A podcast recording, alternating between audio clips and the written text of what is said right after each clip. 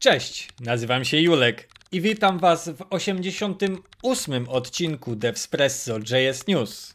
W tym tygodniu odcinek urodzinowy, więc nie tylko mamy bardzo krótkie newsy, ale również zapowiedź, że chyba sezon ogórkowy jest i chyba nie będzie nas w przyszłym tygodniu. W tym tygodniu za to ze mną Aleksander. Cześć Olo. Siema Julek. Co tam ciekawego w tym tygodniu?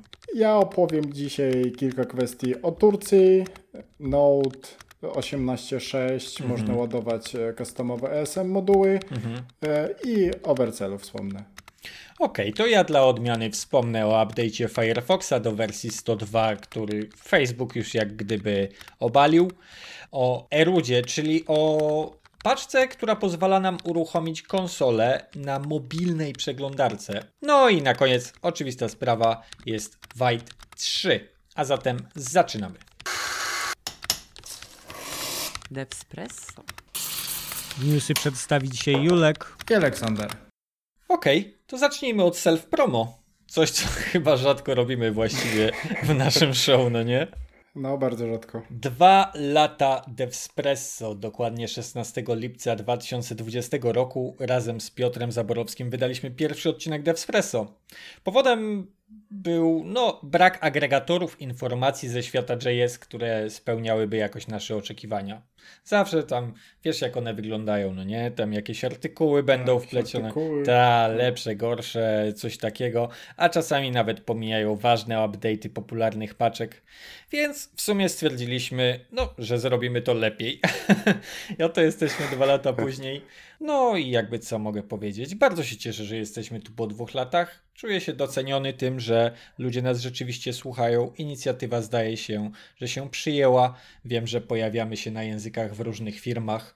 To może powiemy w przyszłym tygodniu. Albo zobaczymy, może jeszcze nie powiemy, ale to wszystko. Albo za dwa tygodnie. Albo za dwa, prawda. Jest to odcinek, który powinien być krótki. Już mamy ponad 5 minut nagrywki, więc przechodzę do kwestii ważnych. Firefox 102, i słuchaj tego, zrobili bardzo fajny update. Naśladując Brave'a, który już to robi, zaczęli usuwać query paramsy z linków Facebooka, Twittera, LinkedIna i takich rzeczy, ponieważ te query params, mhm. znaczy takie konkretne query paramsy, które tym firmom służą do tego, żeby trakować. One miały, no tak. No, one zawsze miały jakąś konkretną nazwę swoją i do tego był oczywiście jakiś ID podpięty. No dokładnie. No i Brave z automatu już to ucina od dawna. Firefox natomiast teraz zaczął to wszystko ucinać, właśnie od wersji 102 wydanej chwilkę temu. Można było ją tam aktywować przez ustawienia czy coś, ale wszystko i tak bez znaczenia, bo Facebook już zaczął haszować swoje URL, więc jednoznacznie jesteśmy trakowani, jeśli szerujemy jakieś URL do artykułów, postów czy czegoś takiego, bo nie ma żadnej podstawy sądzić, że Facebook nie podmienia haszowanych, e, haszowanych linków do konkretnych elementów na swojej stronie. Podmienia. No, więc... 100% podmienia. o, więc było security i przestało być security. Ale to, to, to tyle. No. Oddaję, ci, oddaję ci mikrofon. Dobra. Smutek. No, smutek. To ja opowiem o Turcji. Turcja oficjalnie zmieniła nazwę z Turki na Turkię i jeszcze przez umlaut, żeby nikomu się nie pomyliło. Mhm. Izokod się nie zmienił, ale nazwa będzie no tak. stopniowo aktualizowana przez wszystkie instytucje, mhm, więc mhm. pewnie automatyczne zaciąganie zmieni nazwę, więc nie zdziwcie się. Mhm. No tak. Taki sam ruch w 2020 zrobiła Holandia. Nie wiem, czy wiecie. Tak, która zmieniła oficjalną nazwę na Królestwo Niderlandów. Okej, okay, tego nie wiedziałem. Spoko. No Aha, czyli... Włosi zmienią. Na całym świecie jest Italia, Italii i tak Do, dalej. U nas, dokładnie. U nas Włoszczyzna. Dokładnie. Dawaj marchewę i selera. Rozumiem. Dokładnie Rzeczywiście, tak. Turcja zmieniła nazwę. No tak, to dobrze, że ten ISO kod zostanie zachowany i że tam nie namocili aż tak z nazwą, no nie? Chociaż tyle. Tak, tak. Dobra, no to w takim razie przechodzimy do kolejnej wiadomości. Kolejną wiadomością jest polecenie narzędzia przeze mnie. Narzędzie nazywa się Eruda. Chyba podrzucił je nam do bazy newsów Sebastian. Dzięki Seba. Ja już Dzięki je testowałem i bardzo mi się podoba. Jakby pozytywny feedback. Do czego służy? To jest paczka, którą instalujemy w projekcie i po prostu no nie wiem czy symuluje, no musi symulować, bo jest po prostu narzędziami deweloperskimi w przeglądarce na urządzeniu mobilnym. No więc Spoko. dla mnie ekstra. Tak, i totalnie symuluje te narzędzia, które znamy. Jakby masz network, masz storage, masz pełną konsolę, masz, yy, masz całe, całe drzewo dom, CSS-y. Co sobie wymyślisz, to masz. Fajnie. Nie ma co liczyć na jakieś górnolotne feature'y pozwalające ci włączyć, wyłączyć eventy konkretne czy coś takiego, ale mhm. szczerze mówiąc, już mi się raz y, przydała przy testowaniu projektu, więc ja osobiście polecam. Eruda, Mobile Browser Tools jest bardzo wygodne, bardzo przyjemne, a poza tym to mają mnóstwo gwiazdek, 12,5 tysiąca, to już jest dla mnie określane raczej jako, jako mnóstwo, a na NPM-ie mają żenująco niską ilość pobrań, bo tylko około 3000. Natomiast naprawdę ja je doceniłem i myślę, że jeżeli szukaliście czegoś takiego, to to jest banalnie proste w użyciu i polecam. Spoko. Dobre, to może ja newsik krótki o Node. Od wersji 18.6 Node pozwala na ładowanie customowych ESM modułów. Wystarczy Aha. teraz dać flagę loader i podać nazwę modułów i, i tyle. Tak jak piszą w dokumentacji. No. Zobaczymy, jak będzie w rzeczywistości, ale, ale w dokumentacji jest tak. Rzeczywiście to jest wymienione jako ten najważniejszy update wersji 18.6, bo Potem to zaorali oczywiście mnóstwo rzeczy, jak co, jak co release, ale to w takim razie pozwala całkowicie pominąć webpacka, tak? Tak. No, niby tak.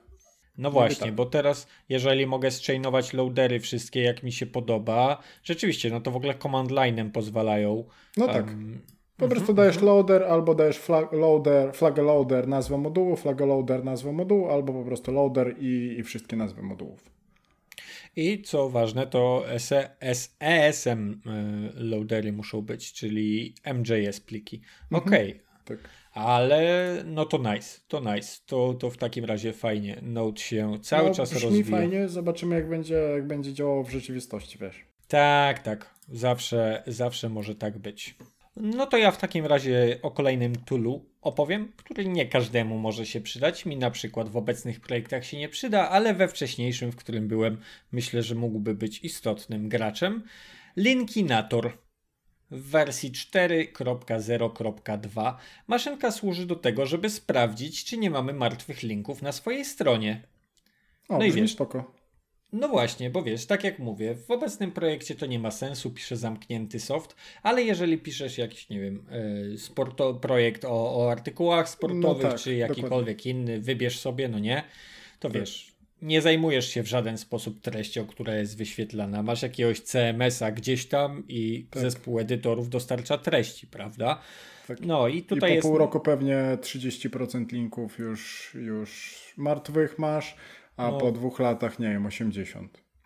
No właśnie, one się gubią gdzieś, wiesz, migracje sobie robią, coś przenoszą, coś zarchiwizują. To zawsze jest podstępne. Zresztą sami deweloperzy też niekoniecznie muszą ułatwiać życie. To wszystko wymaga dotarcia się i dojrzenia systemu, żeby, żeby zadziałał. A Linkinator powinien to robić automatycznie i zdaje się, że robi to całkiem nieźle, bo mają ponad 150 tysięcy pobrań tygodniowo o, z NPM-a.